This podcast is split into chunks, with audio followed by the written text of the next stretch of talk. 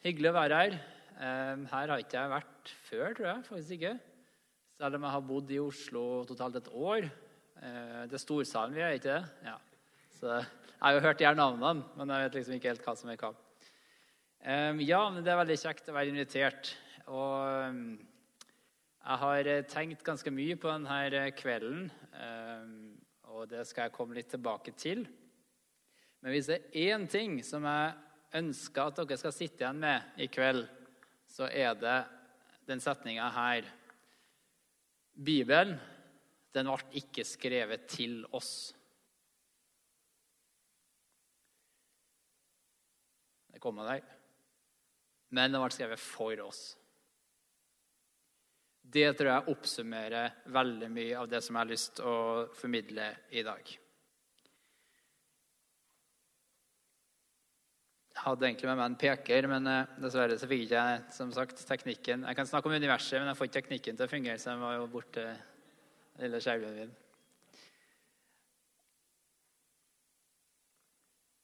Det var en eh, rådsherre som eh, kom til Jesus, og så sa han, 'Gode mester, hva kan jeg gjøre for å arve evig liv?' Hvorfor kaller du meg god? Ingen er god bortsett fra én Gud, sa Jesus. Men du kjenner budene. Du skal ikke drive hor. Du skal ikke myrde. Du skal ikke stjele. Du skal ikke vitne falskt. Hedre din far og din mor. Hold det. Ja, men Herre, alt det her har jeg holdt helt fra jeg var liten. Og når Jesus hørte det, Så sa han til henne, men det er én ting du mangler. Gå og selg alt det du eier, og gi pengene til de fattige. Kom så, og følg med. Og når han eh, rike rådsherren hørte det, så ble han veldig bedrøva. Så gikk han bort. For han var veldig, veldig rik. Og da sier Jesus hvor vanskelig det er for dem som er rike, å komme inn i Guds rike. Ja, faktisk helt umulig. Det er mye lettere for en kamel å gå gjennom et nåløye enn for de her rike å gå inn i Guds rike. Ja, men herre, sier disiplene, da, da, da er det jo helt umulig, da. Nei. For mennesker, ja. Men for Gud så er alt mulig. Hva betyr det? At det er umulig, eller i hvert fall veldig vanskelig, for en rik å komme inn i Guds rike? Jo, det betyr det at hvis man er rik, hvis man har det man trenger, ja, da er man i stor grad selvforsynt. Altså Hvis jeg har alt det jeg trenger, og ser at ja, men jeg vil gjerne inn i den byen der, jeg vil inn i den staden der, den plassen her Det virker som et godt sted, men, men, men, men hvis jeg må gi fra meg alt det her, tør jeg det? Tror jeg nok på at det der er en bra plass? Tror jeg nok på at kongen, at herskeren i den byen, vil meg så godt og har såpass mye å gi meg at det er verdt å oppgi alt det her? Han rike, han rike rådsherren han forsto at Jesus var god, men kanskje han ikke trodde nok. da. For Hvis han virkelig hadde sett Guds rike, så hadde han jo ikke vært i tvil på om det her skattkistene han hadde, faktisk var mer verdt enn Guds rike tenker jeg.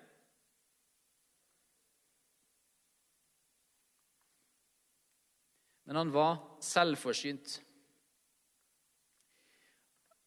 Og kanskje var et av de spørsmålene han stilte seg i bunn og grunn, hvordan er egentlig verden?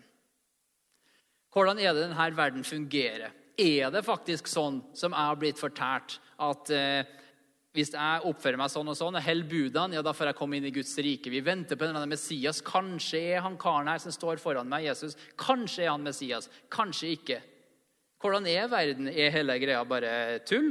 Hva er egentlig virkelighet? Eller eh, hva er sant? Det er jo det vi spør da, når vi lurer på hva virkeligheten er. Er jorda flat? Er det sant? Eller er den rund? Og dette er spørsmål som man kan angripe på veldig mange forskjellige måter. Og nå har det jo blitt eh, avslørt da, at jeg er astrolog. Nei, Nei, kosmolog var det. Jeg, jeg blander alltid Nei, vent litt, det er den som introduserer meg, som pleier å blande. Ja, ja, ja, ok. Men uansett, jeg er altså ikke astrolog, jeg er kosmolog, da. Men eh, en måte å svare på noen av de her spørsmålene på er nettopp det å prøve å forstå universet der ute, med alle stjernene og planetene og galaksene og alt det her. Det vil si noe om virkeligheten.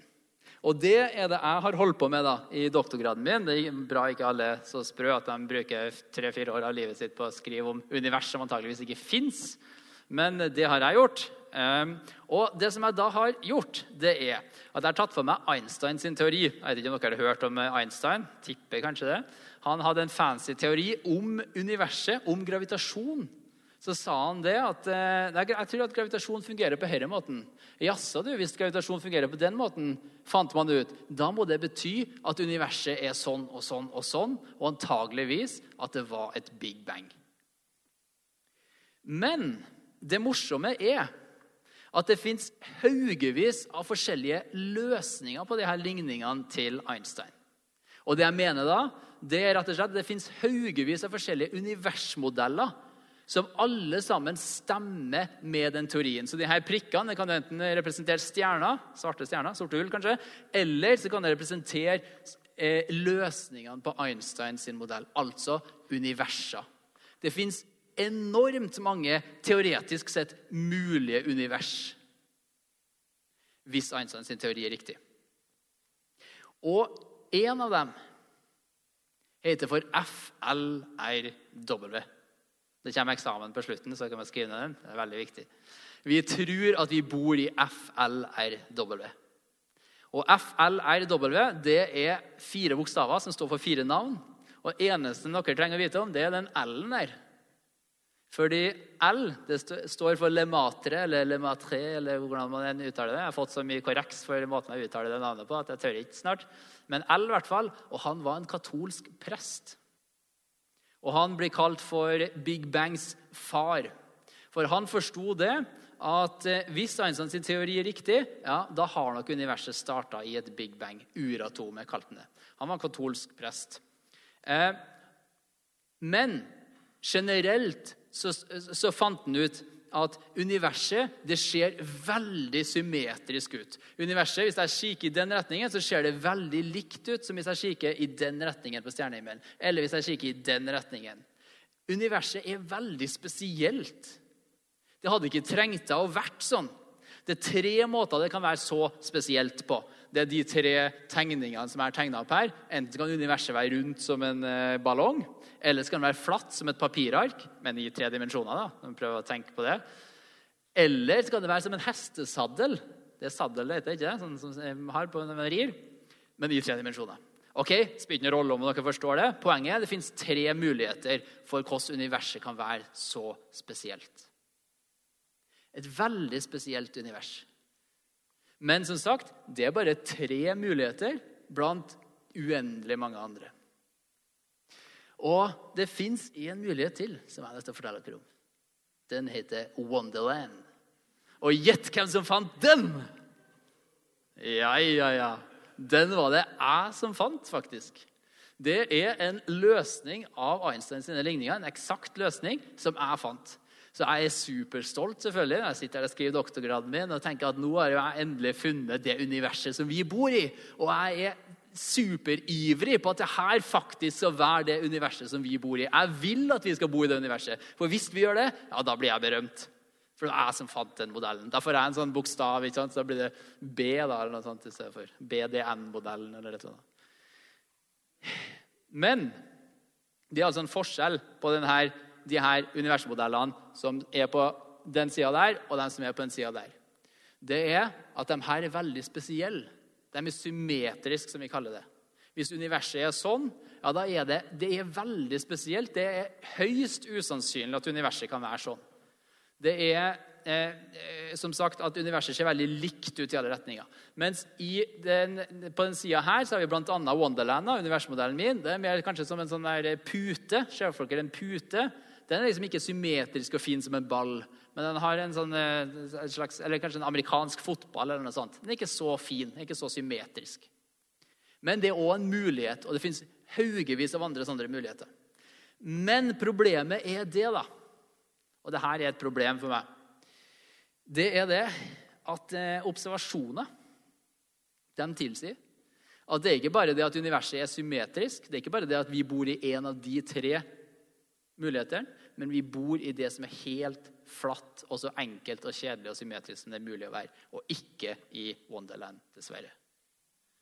Så antageligvis er Wonderland akkurat det det betyr. Det var derfor jeg kalte det for Wonderland. Det er antageligvis bare et drømmeland. Og virkeligheten den er det vi kaller for flat FLRW. Og det er trist. Jeg prøver alt jeg kan å få de her observasjonene til å bety at vi bor i Wonderland. Jeg greier det ikke. Jeg prøver på nytt igjen, regner litt annerledes, sjekker om observasjonene nå kan bety det. Men nei. Det virker, og vi vet ikke, men det virker veldig sannsynlig at Wonderland bare er et drømmeland. Vi bor egentlig i FLRW. Det var han presten som hadde rett. Det var Lematere som hadde rett. Vi bor i det universet. Og Da må jo jeg bare være såpass ærlig som kosmolog at selv om jeg har blitt mer berømt hvis vi bodde i Wonderland, så er det antageligvis sånn at vi ikke gjør det. Jeg må være såpass ærlig og innse at universet, uansett hvordan jeg vil at det skal være, så bryr det seg ingenting om det. Virkeligheten er som den er. Og Det er en ganske vanskelig øvelse, særlig når vi ikke har tilstrekkelig med observasjoner. Så kan vi alltid drive og spekulere, ikke sant? Men det fikk meg til å tenke litt. Midt imellom alle regninger så begynte jeg å tenke. Og ikke sant, det her er jo bare matematikk. Det er hvordan universet ser ut på stor skala. Men hva hvis det her gjelder andre domener også? Hva hvis jeg har sånne drømmeland som jeg ønsker å bo i? Som har vært så vakker og så fin, men som, eh, som egentlig ikke stemmer med virkeligheten? Kan det være at eh, det her som jeg går rundt og tror på, som jeg i hvert fall sier at jeg tror på, denne byen, denne Guds rike, som det er vanskeligere eh, å komme inn i for rike enn det er for kameler å gå inn gjennom nåløya? Kan det være at det bare er en eh, god drøm, men som ikke stemmer med virkeligheten? Og Jeg begynte å tenke såpass tungt på de her spørsmålene for noen år siden at jeg til slutt bøyde meg ned på knær og ville si til Gud Gud, du kjenner meg, men jeg greier ikke lenger å tro Så stoppa jeg der. Jeg har vært gjennom alle mulige argument for og mot. Jeg greide bare ikke helt men, men, ja Ok, det var ikke helt sant hvis jeg sa at jeg ikke trodde at Gud fins.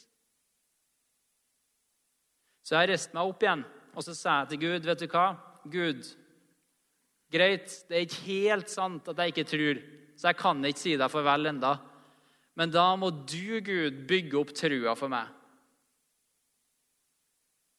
For nå holder ikke lenger. Nå kjører jeg på felgen. Det går ikke. Det er så mange spørsmål jeg ikke har svar på. Fins du? Er du der? Hvorfor, hvorfor svarer ikke du, da? Fin... Du, du, ser jo de opplagt gode spørsmålene, Gud. Men greit, du skal få én uke til å vise at det her drømmelandet, at Wonderland, at det fins, at det ikke bare er en drøm. Så ble det en uke til to uker, og tre uker og en måned og år. Og så står jeg her fortsatt som kristen. Så var det et punkt hvor jeg til slutt hadde glemt det her. Det lå der bak et eller annet sted, men eh, så innså jeg at OK, tror fortsatt. Den uka har i hvert fall vart inntil nå. Og en av grunnene for meg det var et men altså, som gjorde at jeg ikke kunne si Gud farvel. Og det var ikke hvordan verden er, det som jeg hadde studert for eksempel, sånn som man kan gjøre gjennom doktorgraden min, eller man kan studere det på alle mulige andre måter. Hvordan verden fungerer. Det er, vitenskap. ikke sant? Hvordan fungerer verden. Men hvorfor er verden? Eller eh, hva er et menneske? Eller for å gjøre det mer relevant, da Hvorfor er jeg? Jeg tenker ikke på hvordan det rent biologisk gikk til at mennesket kom, men hvorfor er jeg? Hvorfor fins jeg? Og eh, hva er godt? Hvordan kan jeg bli et godt menneske? Jeg forsto jo det at eh, universmodellene mine de sier ingenting om det. De bare forklarer hvordan verden fungerer etter noen lover, hvordan verden som regel pleier å oppføre seg. Men det svarer ikke på de her spørsmålene. Så når det gjelder tittelen, så vil jeg si allerede her at svaret mitt på hvorfor Eller svaret mitt er at ja, vitenskapen trenger Gud. Og det er fordi vitenskapen ikke svarer på sånne spørsmål. Så jeg får ikke svare allerede. Kvarter inn i foredraget. Vitenskapen svarer ikke på den type spørsmål. Jeg mener at den som, eh, den som, sier at vitenskapen gjør det, har bevisbyrden på sin side. Jeg tror ikke noe på at du greier å få vitenskapen til å svare på sånne spørsmål. Det nærmeste du kommer, er kanskje noe sånn utilitarisme eller noe sånn vi skal gjøre alle sammen glad, eller et eller annet, men da har du allerede bestemt deg for at det skal være det opphøyde. Eller det skal være det opphøyde. Alle skal være glad, alle skal ha fred. Nei, nei, nei, alle skal være rik. Nei, alle skal få gjøre som de vil. Jeg vet ikke. Men du må bestemme deg for et eller annet. Du må skape deg en gud. Noe må du opphøye og si at det er det vi skal maksimere for alle sammen til enhver tid.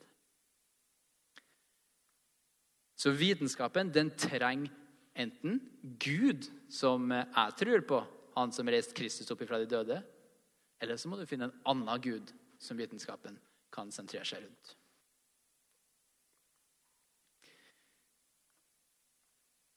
Og For å være litt mer presis så er det ikke vitenskapen som trenger Gud, men det er jeg som vitenskapsmann. Ja, jeg som menneske enda mer som trenger Gud, fordi jeg lurer på de spørsmålene. Det er jo ikke vitenskapen som lurer på de spørsmålene. Det er jeg som lurer på de spørsmålene. Og jeg trenger svar på de spørsmålene. Så selv om at jeg hadde veldig mange spørsmål som jeg ikke fikk besvart, så fant jeg ut at det var veldig mange spørsmål altså det var, det var desto flere spørsmål som ville være uten svar for meg i en verden uten Gud. Så Derfor så kunne jeg ikke handle så raskt. Så vendte jeg meg igjen til denne historien. Kristus på korset. Kan det være at den kan berge oss fra denne uvitenheten, dette paradigmet som vi har i naturalisme? Altså i Nært i naturalisme så ligger det det at vi kan ikke ha entydige svar på spørsmål som hva er godt? Vi må bli enige om noe. På samme måte som vi har en historie om hvordan galaksene gikk fra et, en, en, basketballstørrelse Tenk så sprøtt da, at jeg går rundt og tror på det. Men det tror jeg faktisk på. At universet en gang har vært så, så lite som altså Alt det vi ser rundt oss, alle stjernene, alle galaksene som vi ser rundt oss, har vært samla på eh, et område med størrelse på en basketball. Det tror jeg på. Men det er en historie om hvordan det her rent materielt gikk fra det og til det vi har i dag. Hvordan mennesker har skjedd gjennom biologisk evolusjon, så sitter dere her plassert ut på rad med bevissthet på grunn av det her. Men det svarer altså ikke på de andre spørsmålene om hva er godt når vi først er her. Så kan det være at denne historien om korset at den kan gi oss svar. Kan det være at den kan komme sanne svar på sånne spørsmål?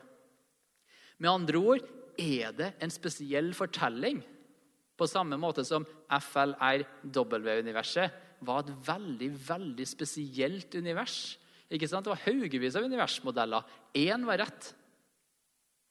På samme måte så er det haugevis av forestillinger om hvordan eh, altså om, eh, av metafysiske forestillinger om universet. Det er massevis av antagelser, metafysiske antagelser. Noen tror på eh, ateisme, noen tror på Thor og Odin. og eh, Vi har f.eks. Enuma Elish, en av de eldste skapelsesberetningene vi har. Sånn skapelsesmyte. Vi har de sumeriske skapelsesberetningene. Alle mulige sånne skapelsesberetninger som er gamle. Så har vi mer moderne forestillinger, da, sånn som eh, ateisme. Og haugevis av andre. Der er bare et litt sånn halvveis tilfeldig utvalg av forestillinger. Fortellinger som sier noe om hva det betyr å være menneske. Men alle kan ikke være sann samtidig. Men kan det være at denne ene, den vi kaller for eh, det som er samla i Bibelen, kan det være at det er den ene spesielle fortellinga som gir oss det fundamentet å stå på som vi trenger? Vi har ett fundament for det materialistiske, vi har vitenskapen. Så trenger vi et fundament for det som har med moral, verdi, håp, glede osv. å gjøre. Kan det være at dette er den ene spesielle fortellinga som hjelper oss med det fundamentet? Igjen så har jeg lyst til å kategorisere dette i to forskjellige grupper. Vi har altså, Nå gjorde jeg om ateisme, så har dere kanskje den helt ubemerka gjorde jeg om det til naturalisme. Det er jo ikke alle ateister som er naturalister, så jeg skal ikke slå alle under en kam. så å si. Men hvis vi tenker på naturalisme på ene sida, altså rett og slett den tanken om at eh, vitenskapen eller naturen er det som forklarer alt. Da sier man i så fall på den ene sida at det eneste vi kan spørre om, det er hvordan. Hvordan detter denne koppen mot bakken når jeg slipper den? Jeg skal ikke gjøre det, for den er full av vann. Eller hvordan er det jeg blir forelska? Hvordan er det jeg opplever det her moralske problemet? Og videre. Men jeg kan ikke komme med verdiutsagn som 'det er rett', uten først å skape meg en gud og sagt at 'Høyre er den vi skal tilbe'. Og Da mener jeg tilbe i overført betydning. Så På den ene sida har du naturalisme, som sier at det eneste du kan spørre om, det er hvordan-spørsmål. Hvordan universet fungerer. Og Der er vitenskapen ekstremt god. Og La meg bare få presisere det, at jeg er veldig glad i vitenskap fordi jeg vet at det fungerer.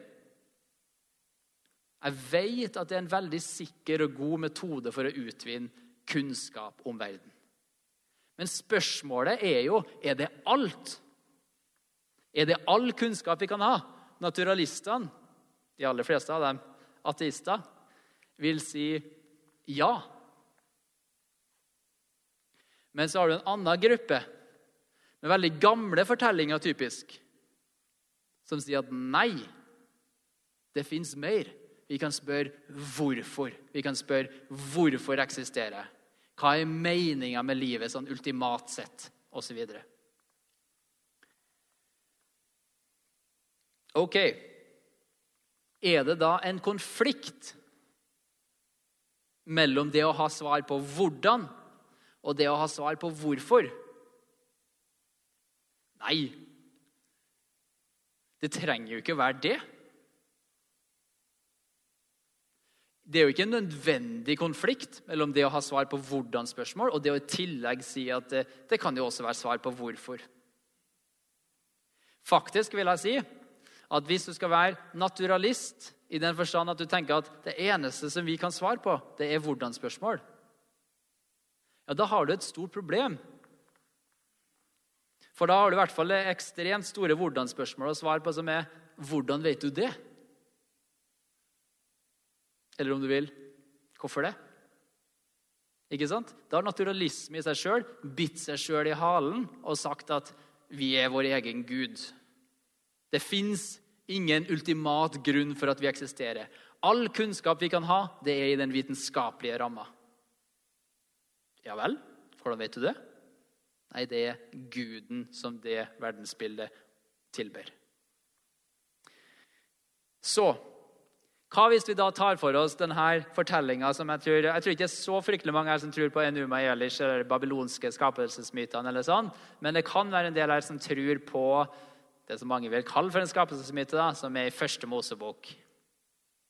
Så Det er altså ett av de her eh, dokumentene vi har, en skapelsesmyte, som forteller om at ja, det fins svar på meninga med livet, med håp osv.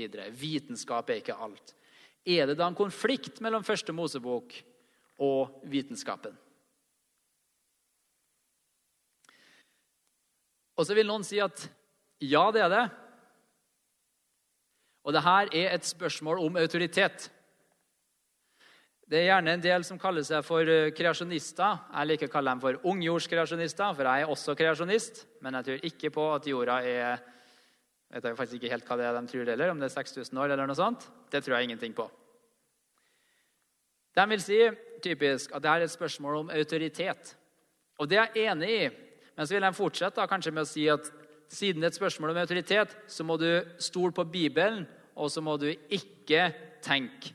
Det har de faktisk sagt meg rett opp i ansiktet. Det, eh, og det syns jeg er en veldig skummel ting å si. Og det har jeg lyst til å, vite, nei, jeg har lyst til å si til dere Hvis det er noen som tror at er, at, eh, at universet er 6000 år gammelt her, så det er selvfølgelig helt greit. Eh, jeg har ingenting imot at folk tror det, selv om jeg er totalt overbevist om at det er riv ruskende galt. Men jeg vil bare be dere om å være litt forsiktige med måten dere går frem på.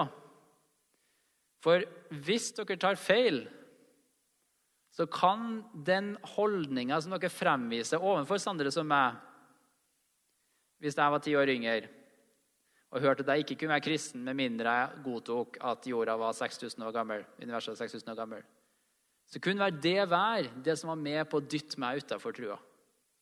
For det visste jeg bare at det ikke stemte. Det ville jeg bare ikke greid å tro. Så Hvis dere er så overbevist om det, så tenk dere i hvert fall om å vite at det er Guds autoritet dere går med.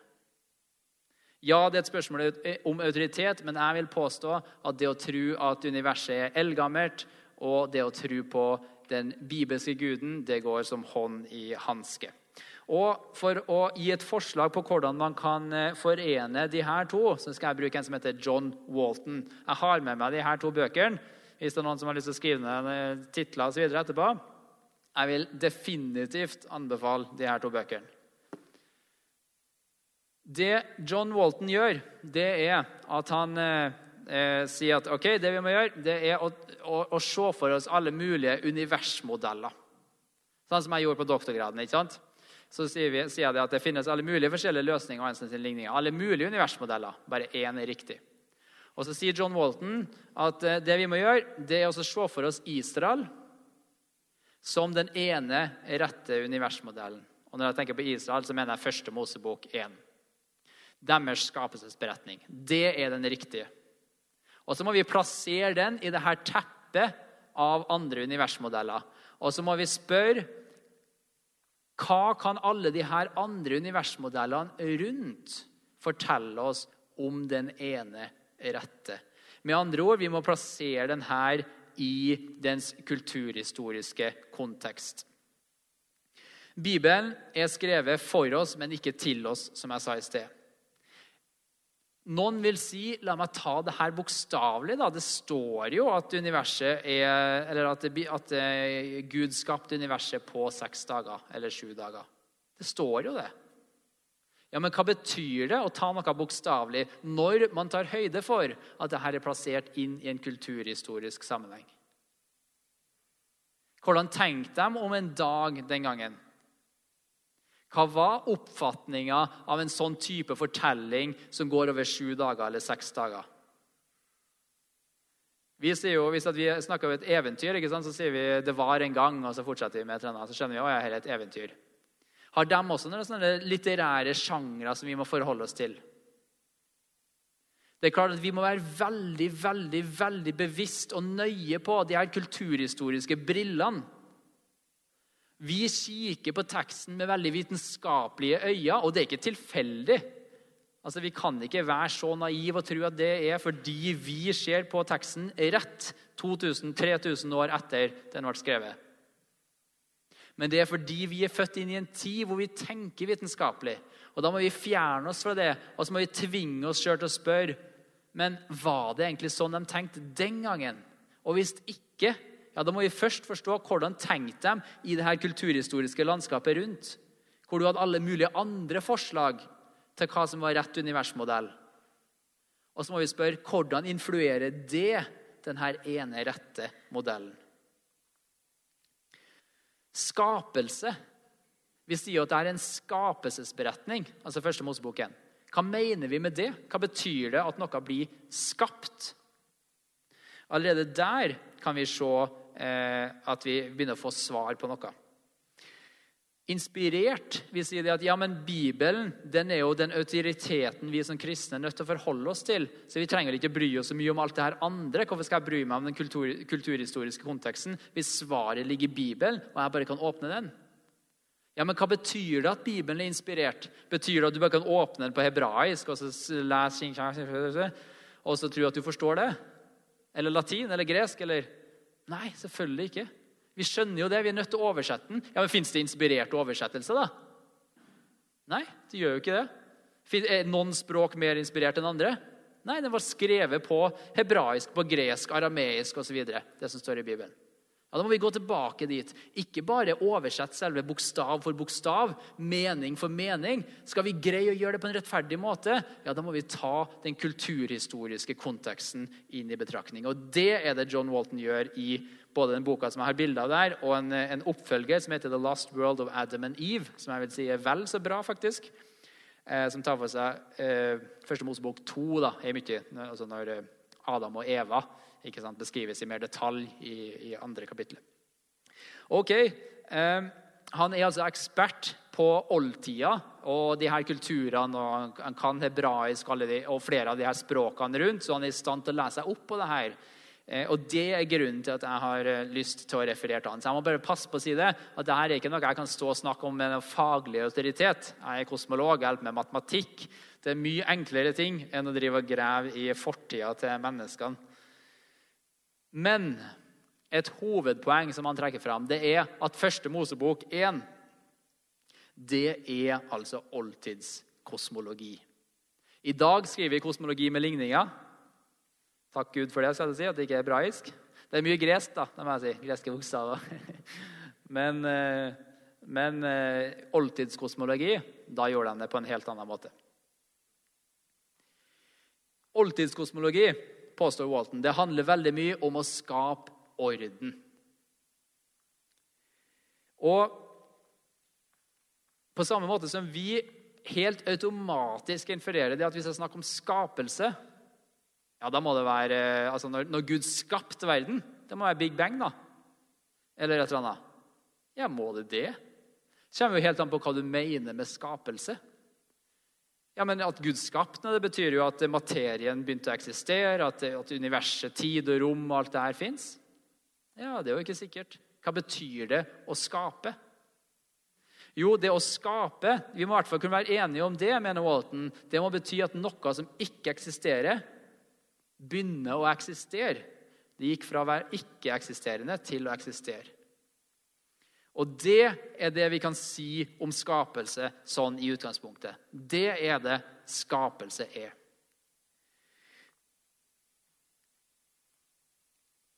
I, eh, i oldtidskosmologi så er altså det som blir skapt, det som begynner å eksistere, det er ikke først og fremst materien. De er ikke særlig interessert i det. Men de er interessert i det at det som begynner å skje her, det er at orden etableres.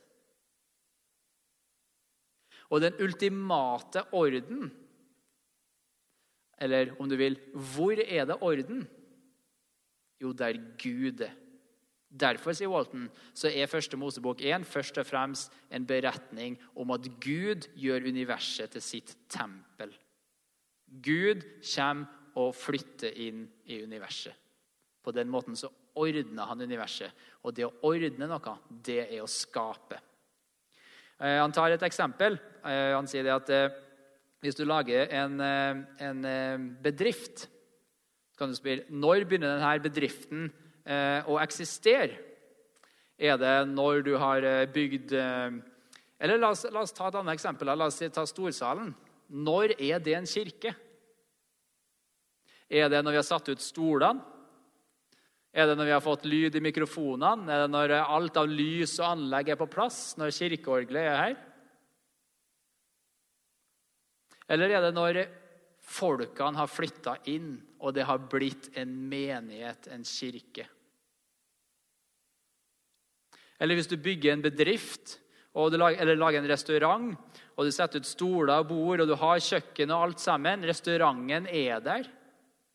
Men så kommer myndighetene og sier det er ikke rent nok på kjøkkenet ditt, og så legger de ned restauranten.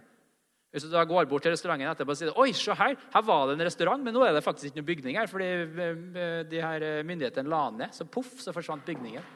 Så den slutta å eksistere, faktisk. Så Det var en bygning her i går, altså, men den ble lagt ned. Så bare poff, forsvant den. Nei, det er jo ikke det, selvfølgelig. Når en restaurant slutter å eksistere som en restaurant, så betyr det rett og slett bare at de har mista lisensen sin. Så den fungerte ikke lenger. Det var ikke orden nok der. Så den slutta å eksistere som restaurant. Men møblene, kjøkkenet, kanskje til og med en burger på stekepanna, alt det der ligger der. Men restauranten den eksisterer ikke lenger. Så den restauranten som de kineserne skapte, den har slutta å eksistere. Den begynte å eksistere når de fikk tillatelse til å drive, og den slutta å eksistere når myndighetene sa nei, det her skal ikke lenger være en restaurant.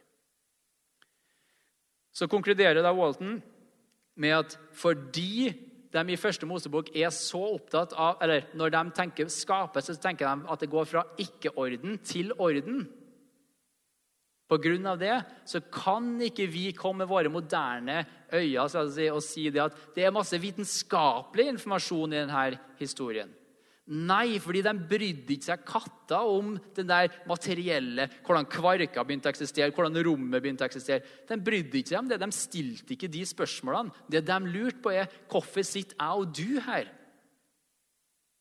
Det var sånne spørsmål de stilte. De lurte på det som hadde med orden å gjøre. Og Da kan ikke vi drive og tvinge teksten til å svare på spørsmål som vi lurer på, bare fordi det er det vi lurer på. En annen måte å snakke om det her med orden på, det er å si at skapelse handler om å sette i funksjon. Nettopp de spørsmålene som jeg sa at vitenskapen i dag ikke har svar på, nemlig hva er min funksjon som menneske? Hva er det som gjør meg til menneske? Hva er håpet jeg har? Hva slags verdi har jeg? Hvem er jeg? Vel, skapelsesberetninga i første Mosebok 1 den handler om svar på nettopp sånne spørsmål. Dag 1-3 etablerer de her funksjonene, mens dag 4-6, altså de tre neste dagene, etablerer den som skal opprettholde de her funksjonene. Så jeg for eksempel, som menneske har som funksjon å regjere med Gud, sånn som dere alle sammen har ved at vi er skapt i Guds bilde. Vi er funksjonærer på den måten. Vi er viseregenter for Gud. Og vår funksjon er bl.a. å regjere. La oss eh, bare ta en ta, kjapp titt eh, gjennom første Mosebok 1 for å vise hvordan eh, Walton kommer frem til de her konklusjonene.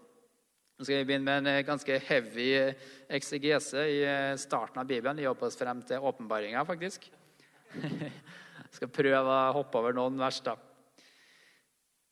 Men eh, det første vi skal merke oss, det er at Gud sier altså I begynnelsen skapte Gud himmelen og jorden. Eh, og Der står det visstnok på hebraisk et ord som er bara. Jeg vet ikke hvordan man uttaler det, samme det, men bara. Eh, det betyr å skape.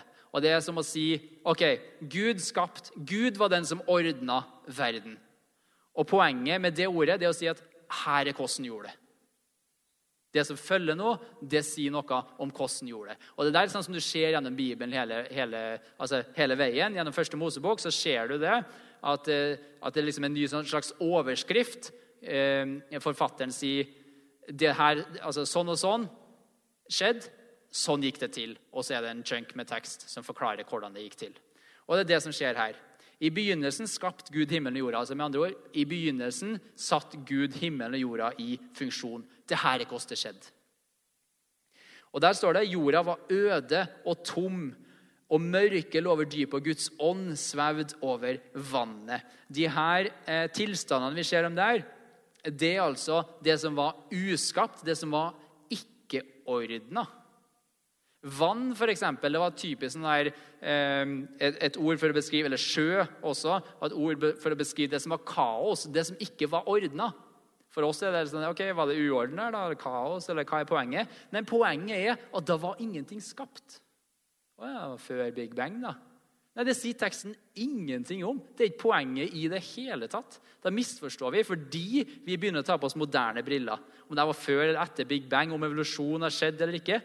Teksten er ikke opptatt av det i det hele tatt, men den sier det at da verden var uskapt, så bestemte Gud seg for å begynne å ordne og sette ting i funksjon. Eh, og Når det står 'øde' der, så er visstnok ifølge Walton et, et bedre ord, som det er i en del norske oversettelser, det er 'formløs'. Altså verden var fortsatt ikke tatt form.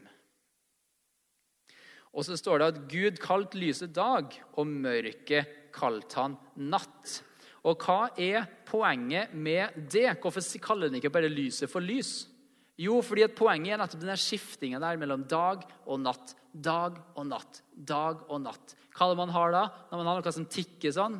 Tikk-takk, tikk-takk. Det er klokka.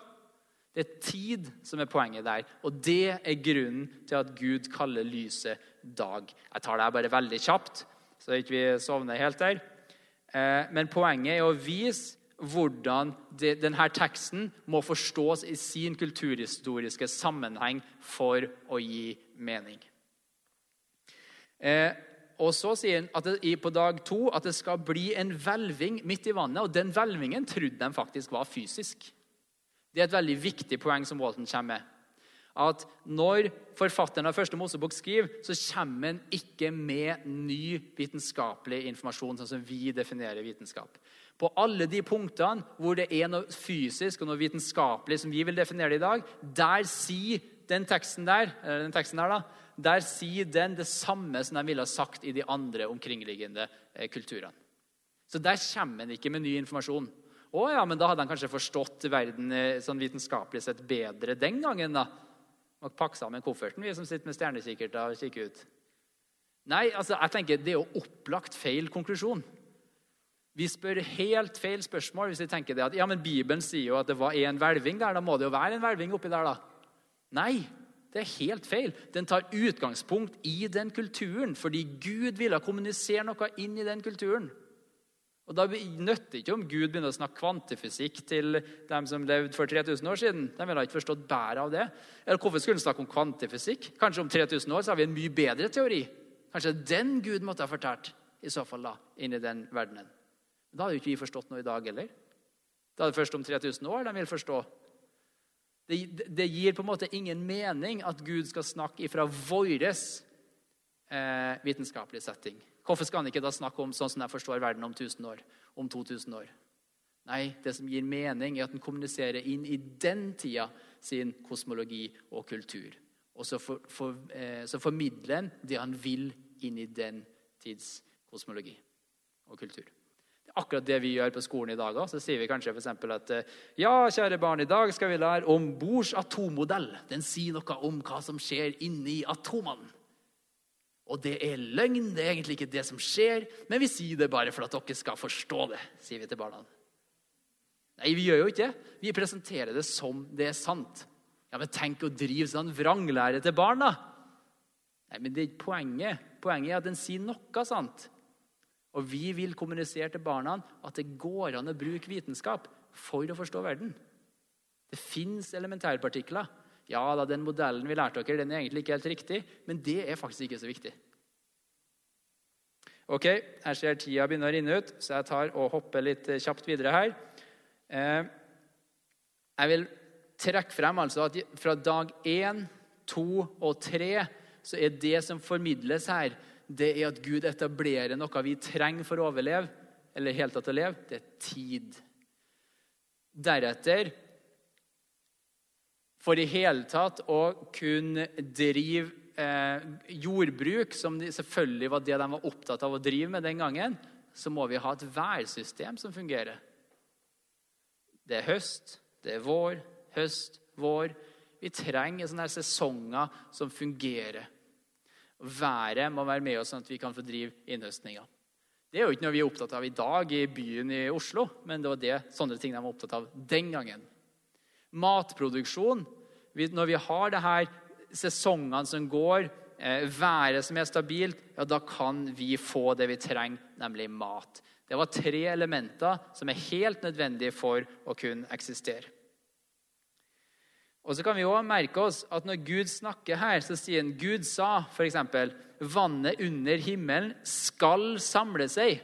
Han sier ikke jeg samler eh, vannet under himmelen på herre og herre måten. Jeg bruker kvantefysikk, og så gjør jeg sånn og sånn. og sånn. Nei, det står ikke det. Men det står 'vannet skal samle seg'. står det. Så det her er ikke noe som beskriver hvordan det skjedde, men det beskriver at det skjedde med en annen hensikt. Så har vi igjen i eh, første Mosebok eh, åtte, etter flommen, så ser vi igjen det at det står de her begrepene. Så, altså for Da lover Gud at så lenge jorda står, skal såtid og høsttid, altså mat, kulde og varme, altså vær, sommer og vinter, dag og natt, tid, aldri ta slutt. Igjen ser vi at de her tre begrepene som defineres i første Mosebok, kommer igjen som noe viktig, noe de lurte på. Gud, kommer du til å ødelegge jorda på denne måten igjen? Nei da, dere skal få lov til å ha det klimaet dere trenger. Dere skal få ha tid hvor dere skal leve. Dere skal få lov til å så og høste. Jeg skal aldri røre det igjen. Dette svarer på spørsmål som vi kanskje ikke så lett stiller direkte i dag. Og Det må vi forstå hvis vi skal forstå Bibelen. Så er altså landet samla, som vi så der, eller i hvert fall så var det det som skjedde i de første tre dagene. Landet ble samla, eh, skilt ut fra havet. Dag ble skilt fra natt, osv. Nå var det klart til at de som skulle bo der, snart skulle få lov til å flytte inn. Du kan tenke deg et hus hvor rekkverket, veggene, alt sammen er på plass nå men det mangler møbler. Så på dag fire til eh, seks så installerer Gud de her funksjonærene. Det var dag og natt, altså det var tid som skjedde de første, eller som ble skapt de første dagen. Eh, på dag fire så installerer Gud det store og det lille lyset. Altså det vi i dag kjenner som månen og sola og kanskje noen andre lys. jeg vet ikke. Men de visste ikke den gangen at det var fysisk. Det vet vi i dag. De visste ikke at sola var fysisk, altså at den bestod av atomer osv. Det er noe vi vet i dag. Vi kan ikke lese det inn i teksten og si se her, Gud skaper noe fysisk. Nei, det visste ikke de. De trodde faktisk at det ikke var det. Og det er heller ikke poenget. Poenget er at lyset, nemlig det som skiller dag fra natt, det som har som oppgave å sørge for det, det er det som innsettes her som eh, funksjonær, om du vil. Og til slutt, la oss ta med det òg. Dag seks. Gud skaper mennesket som skal regjere. Så vår oppgave der det er å regjere og være viseregenter for Gud. Så i Guds sted så flytter vi så å si inn i dette huset og regjerer der på Guds vegne. Ser dere hvordan det gir oss eh, verdighet? Det gir oss et sted i, i universet en, en, mening med livet. Det svarer på alle de her spørsmålene. Og hva er godt, hva er ondt?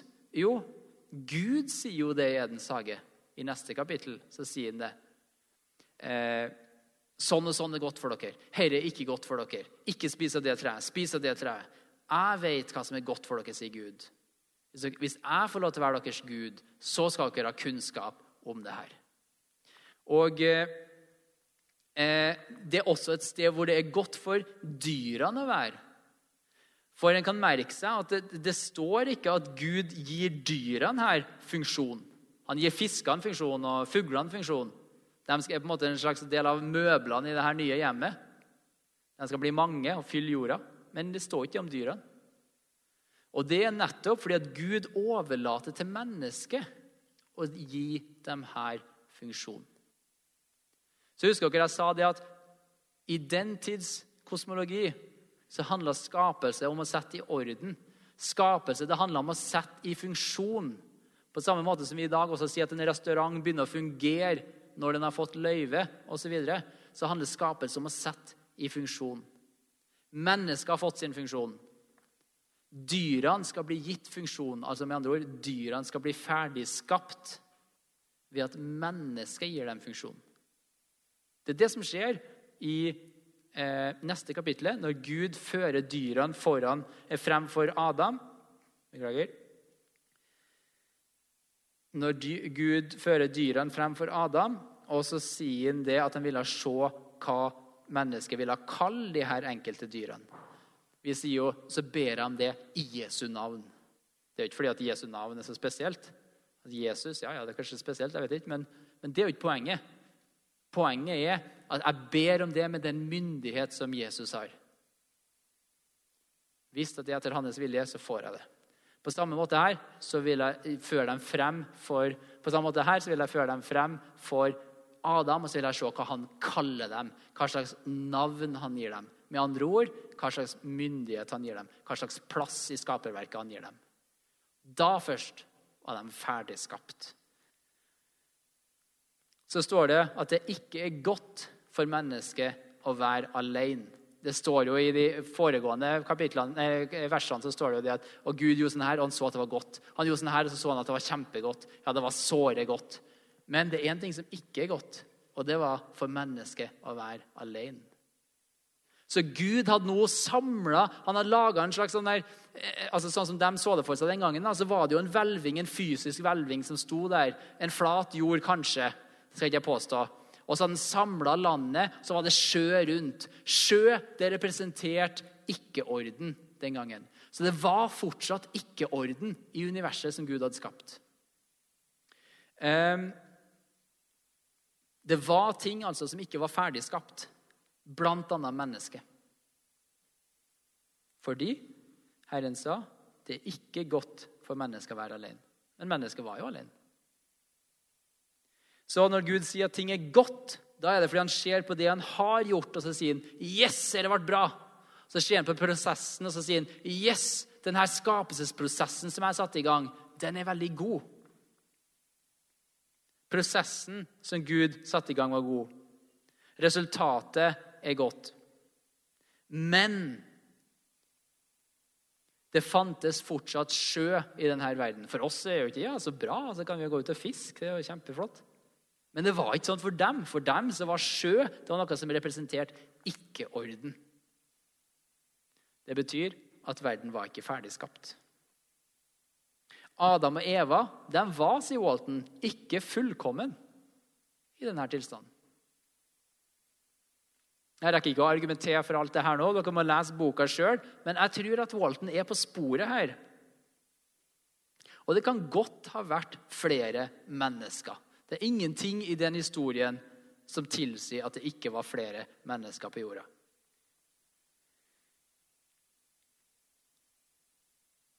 Og så er det jo mange som sier at ja, ok, greit, så du mener at med denne type fortolkning da, så er det kanskje ikke noe konflikt. Fordi På den ene sida har du vitenskapen som forteller om det materielle, og så har du natur... Nei, så har du eh, Så har du Bibelen, som forteller om hva det vil si å være menneske og den slags type ting.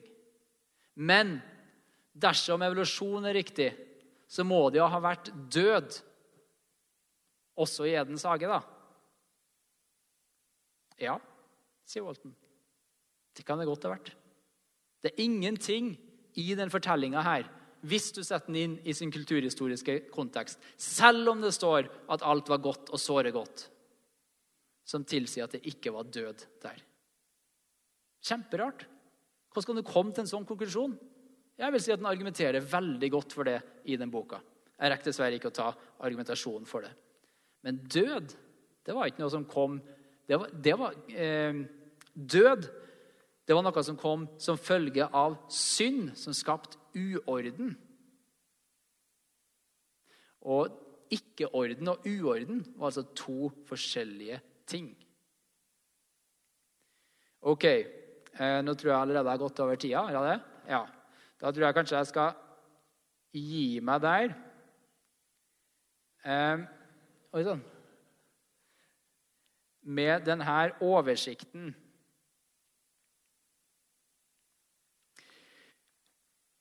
Walton påstår altså at det å skape det handler om å gå fra ikke-orden til en delvis ordna univers. Det vi kjenner som Edens hage. Der var det orden. Men det var orden der fordi Gud bodde der. Ikke fordi vi bodde der. Nei, vi var så heldige å få lov til å bo der, nære Gud. Og så var tanken at vi skulle være med på å dra lasset videre inn i det fullkomne.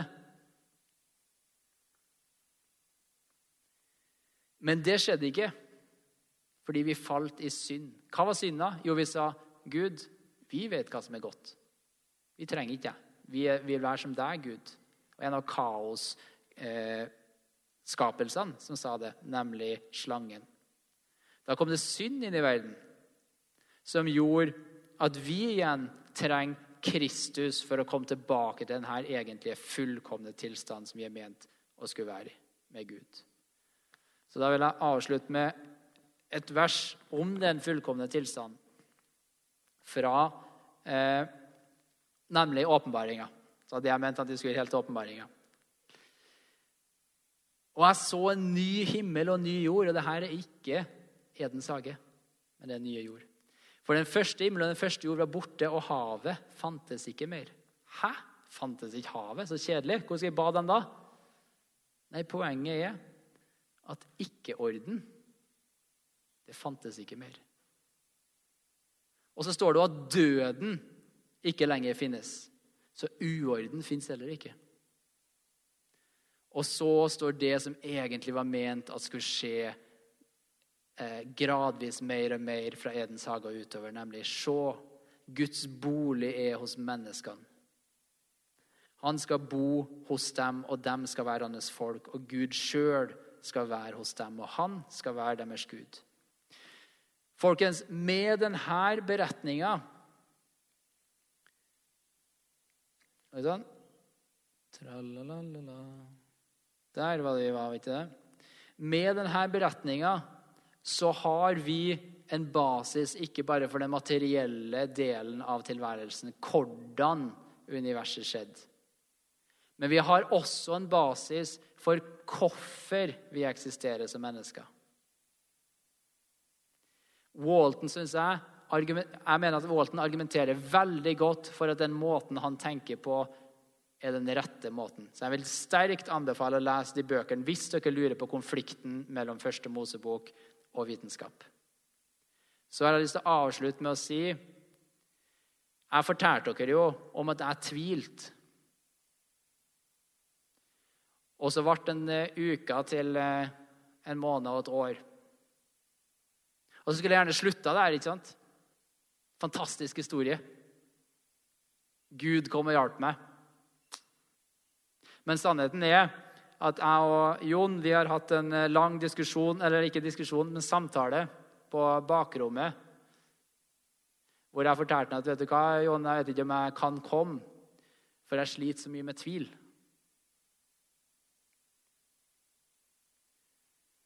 Og nå er det en lang historie hvorfor med litt personlige elementer og sånne ting. Jeg droppa alt av det. Men jeg har lyst til å si at alt det som jeg nå sier, av argument som jeg kan bruke for å forsvare hvorfor jeg tror som jeg gjør Og jeg tror på Gud og at han har reist Kristus opp ifra de døde. Eller de argumentene som William Lane Craig kommer med, eller alle mulige andre sånne store big shots. Det i seg sjøl er jo ingenting. Det berger i hvert fall ikke trua mi. Hvis det skal være noe i denne historien som jeg fortalte dere om nå, da er det ene og alene fordi at jeg har gått inn i det riket. Herre, herre, gode, gode mester, hvordan kan jeg bli frelst? Sånn som han spurte. Han gikk ikke inn i det riket. Da må det være fordi at jeg går inn i det riket og smaker på det og kjenner at jo, her er det godt å være. Det her gir meg den basisen for tilværelsen som jeg trenger. Gud er ekte. Jeg kan kjenne og ta og føle på den. Så jeg har bare lyst til å si det som en slags advarsel og oppmuntring. Det er bra dere er her og vil lære om apologetikk, og jeg heier på det. Men ikke la det stenge for det som egentlig betyr noe. Nemlig at det er en historie om et hjem. Det er en historie om hvordan Gud kom ned og gjesta menneskeheten og faktisk tok, skal ta bolig blant oss. Og så skal vi få se han og skue han, og det er noe vi kan gjøre i dag i Guds rike. Og hvis det ikke er sant, ja, da er det her helt tomt. Så tvil, det tror jeg er noe vi alle sammen kan slite med i perioder. Men da kan vi gjøre som i hvert fall jeg gjør, daglig. Da kommer til Gud, og så sier jeg, 'Gud, frels meg, hjelp meg, ordne meg, sett meg i funksjon, skap meg.' Ja, men tror du jeg kan gjøre det her, syns jeg liksom jeg hører Gud si. Ja, ja, Gud, jeg tror. Hjelp min vantru. Som det var en i Bibelen som sa. Yes, jeg stopper med det.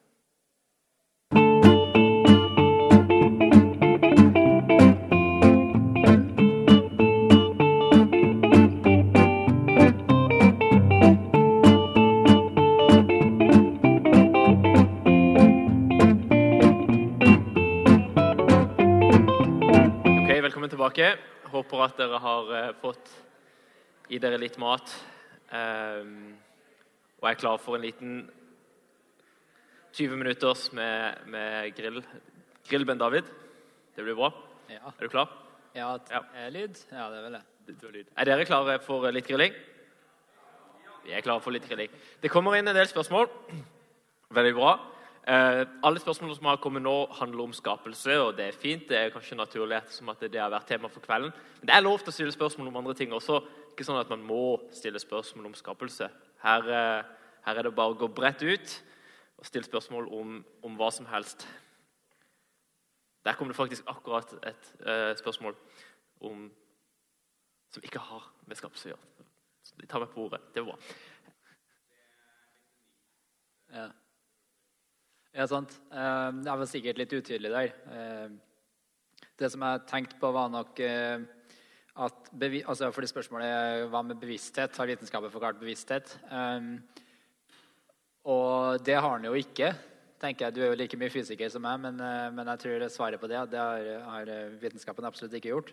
Men eh, eh, naturalister, eller dem som på et eller annet vis mener det at alt kan beskrives av naturlover, De som typisk vil være reduksjonister, tenker at alt sammen kommer fra de her kvarkene og gluonene og kvantifysikk og alle de lovene de har, de vil jo si at til syvende og sist så må vi kun forklare alt ved hjelp av de lovene. Nå er det mange feller man går i der, da. Det er jo ikke sånn at eh, for det om eh, ta, ta vann som eksempel, eh, så, så oppstår det jo et emergent fenomen der. Når vi ser på vann i en kopp, så er det vått. Så jeg heller det på Jon nå, så skal vi se at det blir ganske vått der. Men hvis jeg hadde tatt ett og ett vannmolekyl og helt på Jon, så hadde det ikke blitt vått. Så Det er en egenskap som oppstår når det her kommer sammen, og det er nye spilleregler som tar form. Eh, Men kvantifysikk forklarer ikke det. Det er et nytt fenomen. Det er et emergent fenomen. Så eh, det som jeg ville si, var bare at naturalister de vil typisk si at på samme måten, analogt, så er bevissthet bare et fenomen som oppstår da, når nok partikler samler seg osv. Jeg er veldig skeptisk til det, men eh, det er vel det naturalister vil si. da. Og det er i hvert fall ikke bevist. Så det var poenget. Det er i hvert fall ikke bevist. Ok, Er du klar på et spørsmål om eh, Noas ark? Er det grunn til å tro at Noas ark var også symbolsk, skråstrek, ikke bokstavelig eh, talt hente som beskrevet? Er det grunn til å tro at Noas ark var også symbolsk, eventuelt ikke bokstavelig talt hente som beskrevet? Eh, der eh, virker det som folk er litt uenige, da. Men eh, jeg husker faktisk ikke hva det er Walton sier om det, så det tør ikke jeg påstå. Kan ikke stå her som en eh, eh, sånn eh, som, Hva heter det? Waltons eh, representant. Men eh, eh, han skriver om det i en av de her bøkene. Så det er jo igjen veldig god reklame for å lese eh, de her bøkene. The Lost World of Adam and Eve og The Lost World of Genesis 1. Eh, Og så ligger det en del det, jeg, det må jeg få lov til å anbefale. YouTube. Har dere hørt om det?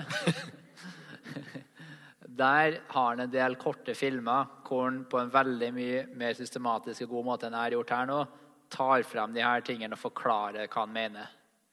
Og der er bl.a. Noahs ark en av de tingene han snakker om.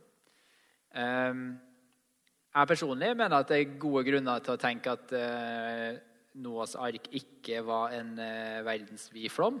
Um, jeg kan ikke påstå at det Walton mener. Jeg kan ikke påstå at det fins Det kan godt være det fins god informasjon der ute som tilsier at det er feil. Men så langt jeg har lest eh, til i dag, så syns jeg det virker naturlig å tenke at det her Ja, det var antageligvis en flom, men at den ikke var global. Det at det var en flom, tror jeg vi kan konkludere med rett og slett fra at dette er noe som beskrives i mange forskjellige sammenhenger. I forskjellige kulturer, altså. Så leser vi om noe som ligner på en flom. Men så er det jo en del viktige forskjeller her. så det er viktig å være klar over da. Men uh, en annen ting er at uh, hvis du ser på selve denne skapelsesberetninga, nei, beklager, uh, flomhistorien, så er det også er det i hvert fall en som heter for Elliot, som mener han har skrevet en bok som heter 'Who Wrote the Bible'. Eh, og så står det under George Elliot. Eh, men der sier han at hvis du tar denne teksten, så kan du se at det her er som at det er to tekster. En, altså det, det, er som at du altså Sett nå at jeg tar og river ut et ark i denne boka til Walton, og så tar jeg annenhver setning. Så blir det altså, den setning nummer én og tre og fem osv. Så, videre, så syr jeg det, så legger jeg det her, så blir det en selvstendig historie. Så tar jeg setning nummer to og fire og seks, og så legger jeg det her. Så det er en annen selvstendig historie. Det kan du gjøre, ifølge Elliot, og han viser hvordan også da, i boka, med denne flomhistorien. Det må bety sin, at dette er sydd sammen av to forskjellige versjoner. De to forskjellige versjonene er litt forskjellige. Så jeg tror at det er god grunn til å tenke at det har skjedd en flom. Det var masse forskjellige historier som verserte om den. Og eh, hvorvidt det er historisk sant Ja, eh, jeg tør ikke svare på det. Eh, jeg er heller ikke noe autoritet innen eh, historie, men eh, jeg tror at det er sannheten i den historien, noe som Gud eh, formidler til mennesker. Men hvorvidt det er historisk sant, det tør ikke jeg å uttale meg om. Nettopp. Ja, eh, så spørsmålet er altså hvor, hvis jeg, hvis jeg, er så kritisk til det her første Mosebok for eksempel, og sånn, hva som er historie der, hvor, hva er det her som er historisk? Hva er det som kanskje til og med sier noe om vitenskap osv.? Eh, for meg som ikke-historiker, da, og ikke engang teolog Noen her blir jo i hvert fall teolog. Er det filosof du blir? Nei, Nei teolog. teolog ja. Så noen vil i hvert fall kunne noe her. Men eh, jeg har ikke noen sånn grad, så jeg må bare støtte meg på dem som har satt seg inn i det, sånn som John Walton og andre. Og det som, da, det som, blir mitt prinsipp, er å prøve å se hva er konsensus her. Og så prøver jeg særlig å gå etter ateistene. Selv om jeg kommer til en annen konklusjon om dem enn dem om hvorvidt Gud finnes, Så prøver jeg særlig å gå til dem. Hva er det de også er enig i? Og da virker det som at første mye, altså Ikke alt, men skapelsesberetningene for eksempel, og Noas flom og litt sånn, der er man ikke helt enig om hvorvidt det her var historisk. Så da tenker jeg at ok, da bør jeg forholde meg skeptisk til det. Men så har du andre ting, sånn som kongebøkene som du nevnte, og, eller kongekrønikene. Dette var jo ting som man, det var sjangre man hadde den gangen for å skrive ned eh, historiske hendelser. Og Det er jo et veldig viktig poeng i Bibelen at Gud er en Gud som griper inn i historien. Og det tror jeg på. Så Poenget mitt med å være kritisk til, til en del sånne tekster det er ikke for å si at jeg vet ikke om det her er inspirert, men det er bare for å finne ut hvordan er det inspirert. Hvordan var det Gud snakka inn i, i historien? da? Ja, så det var litt dårlig svar på spørsmålet ditt. men... Så bra. Om, eh, de, den bokserien er jo fantastisk, og du nevnte at han skrev en om flommen også. Jeg leste den, den er briljant. Og det som du sier, at han kommer fram til at flommen har skjedd, men at den er lokal. Det vil være Walton sin, og det han sa. sin konklusjon på det. Ja, ja, er enig med jeg leser boka for uh, details. Men det, det, er faktisk noen av de beste bøkene jeg har lest i alle fall om, eh, om skapelse. Så jeg, jeg istemmer den uh, anbefalinga. Og han er teolog, så um, Hei. Det er alltid, alltid gøy når folk er liksom høflige i meldingene. skriver. Gjerne, gjerne fortsett med det. Hei. Jeg er tilbake igjen til de som sendte dette spørsmålet. Hva mener du er det beste gudsargumentet? Eventuelt hva syns dine ikke-troende akademiske kollegaer er det beste argumentet for Guds eksistens? Hva mener du er det beste av Guds argumentet? Eventuelt hva synes dine ikke-troende akademiske kollegaer er det beste argumentet for Guds eksistens?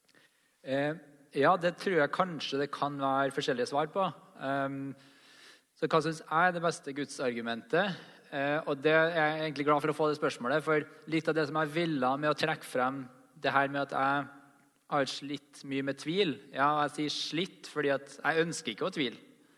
Um, grunnen til at jeg ville trekke frem det, er nettopp det at for meg personlig så har aldri rasjonelle argument vært det som på en måte har holdt meg til Gud. Rasjonelle argument det har vært noe, en mølle som jeg har blitt tvunget inn i fordi jeg har vært i samtale med ateister. Og så sier de ja, men Gud kan ikke eksistere, fordi da kan jeg lage en, hvis den allmektige kan lage en stein som er så stor at den ikke kan løfte den sjøl.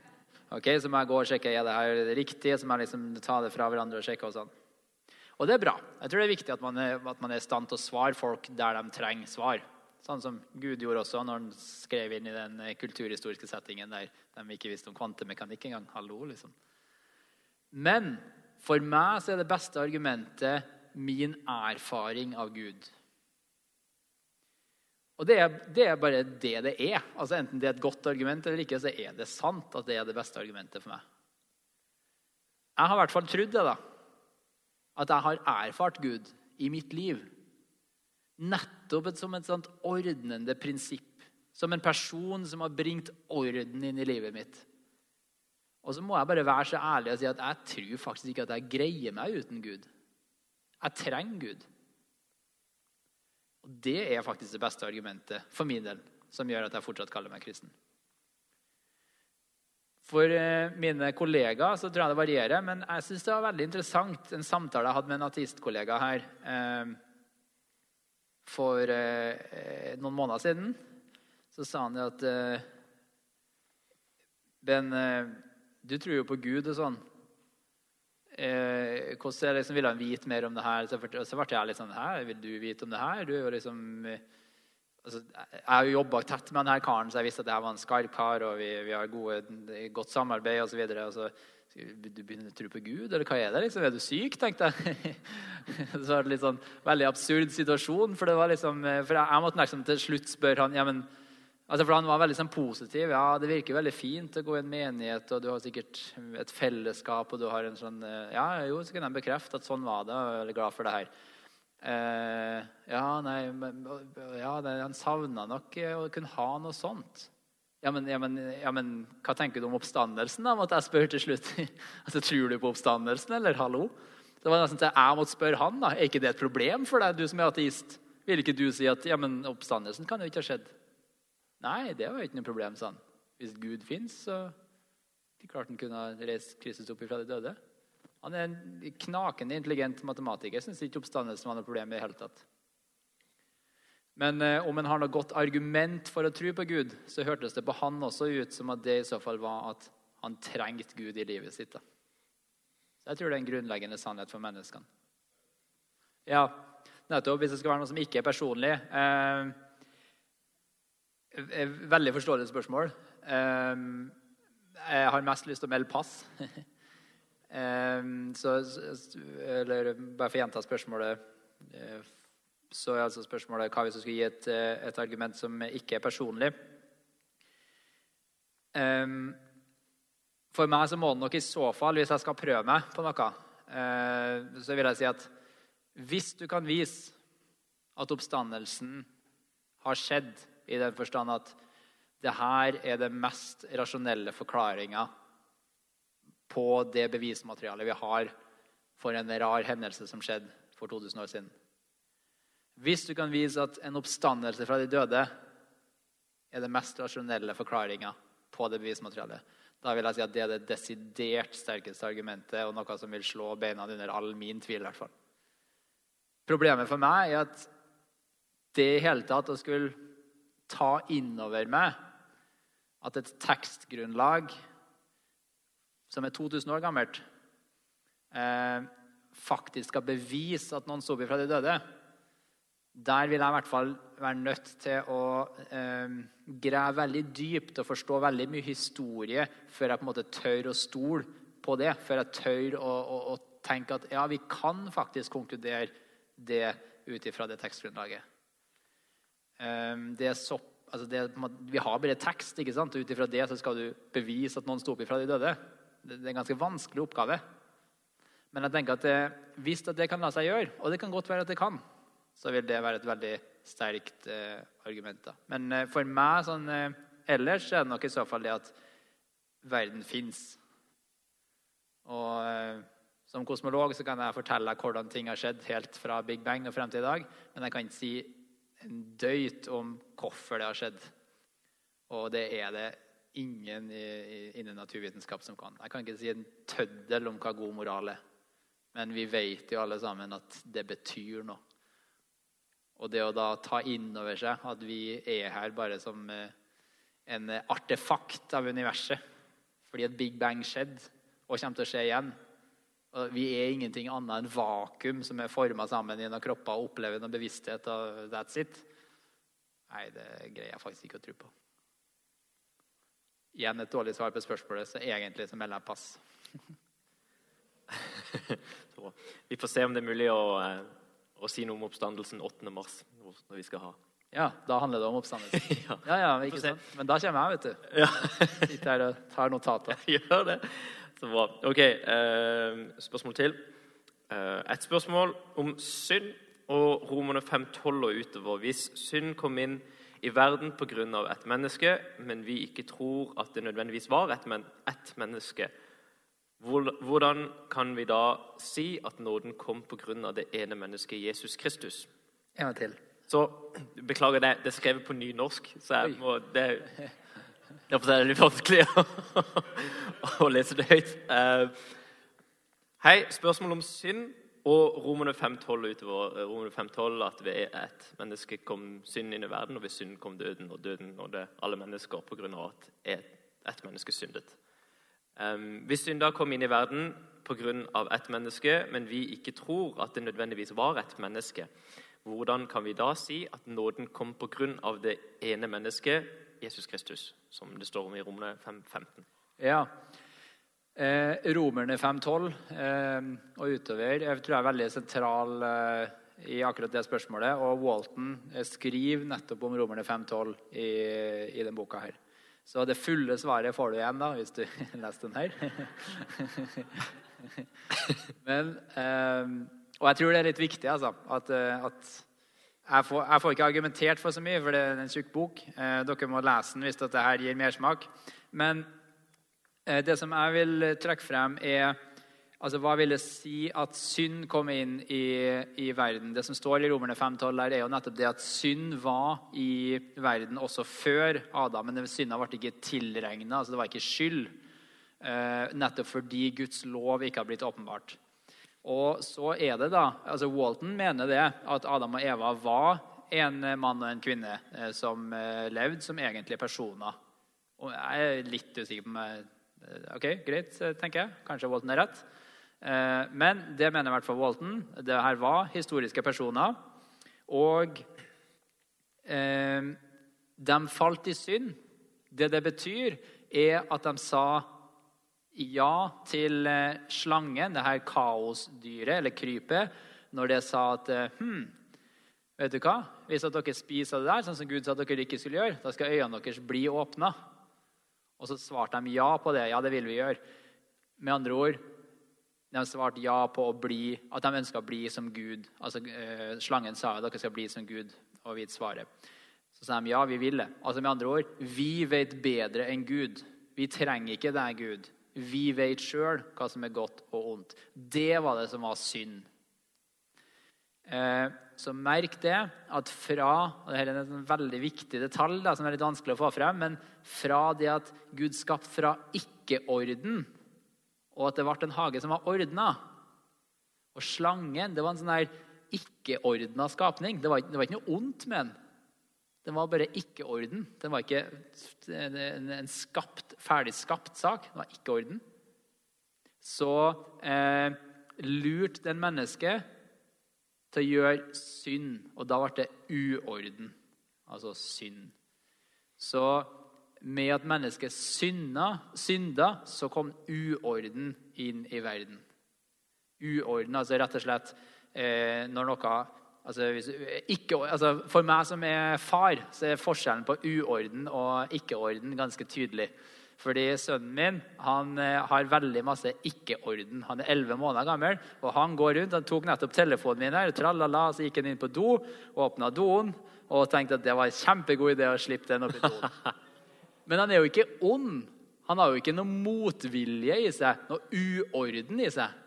Det er bare at han mangler orden. Han forstår ikke at han ikke skal gjøre det. Så det er klart han slipper den opp i do. Oi, plask, jeg trekker ned. Det er gøy. Men uorden, altså synd, det får han først når han blir kanskje to år gammel, tre år gammel, fire år gammel. Jeg vet ikke. Jeg har ikke vært far så lenge ennå. Og når han begynner å forstå hva han gjør, og likevel gjør det, da er det uorden. Det var det som skjedde i fallet, kanskje da med ett menneske, sånn som Paulus i hvert fall argumenterer for. Og det er det som ble gjenoppretta når Gud kom og tok bolig blant menneskene i Kristus. Da kom det ordnende prinsippet inn og tok bort uorden. Så ja eh, Langsvaret står her, men i Romerne 5,12 brukes altså når han svarer på det.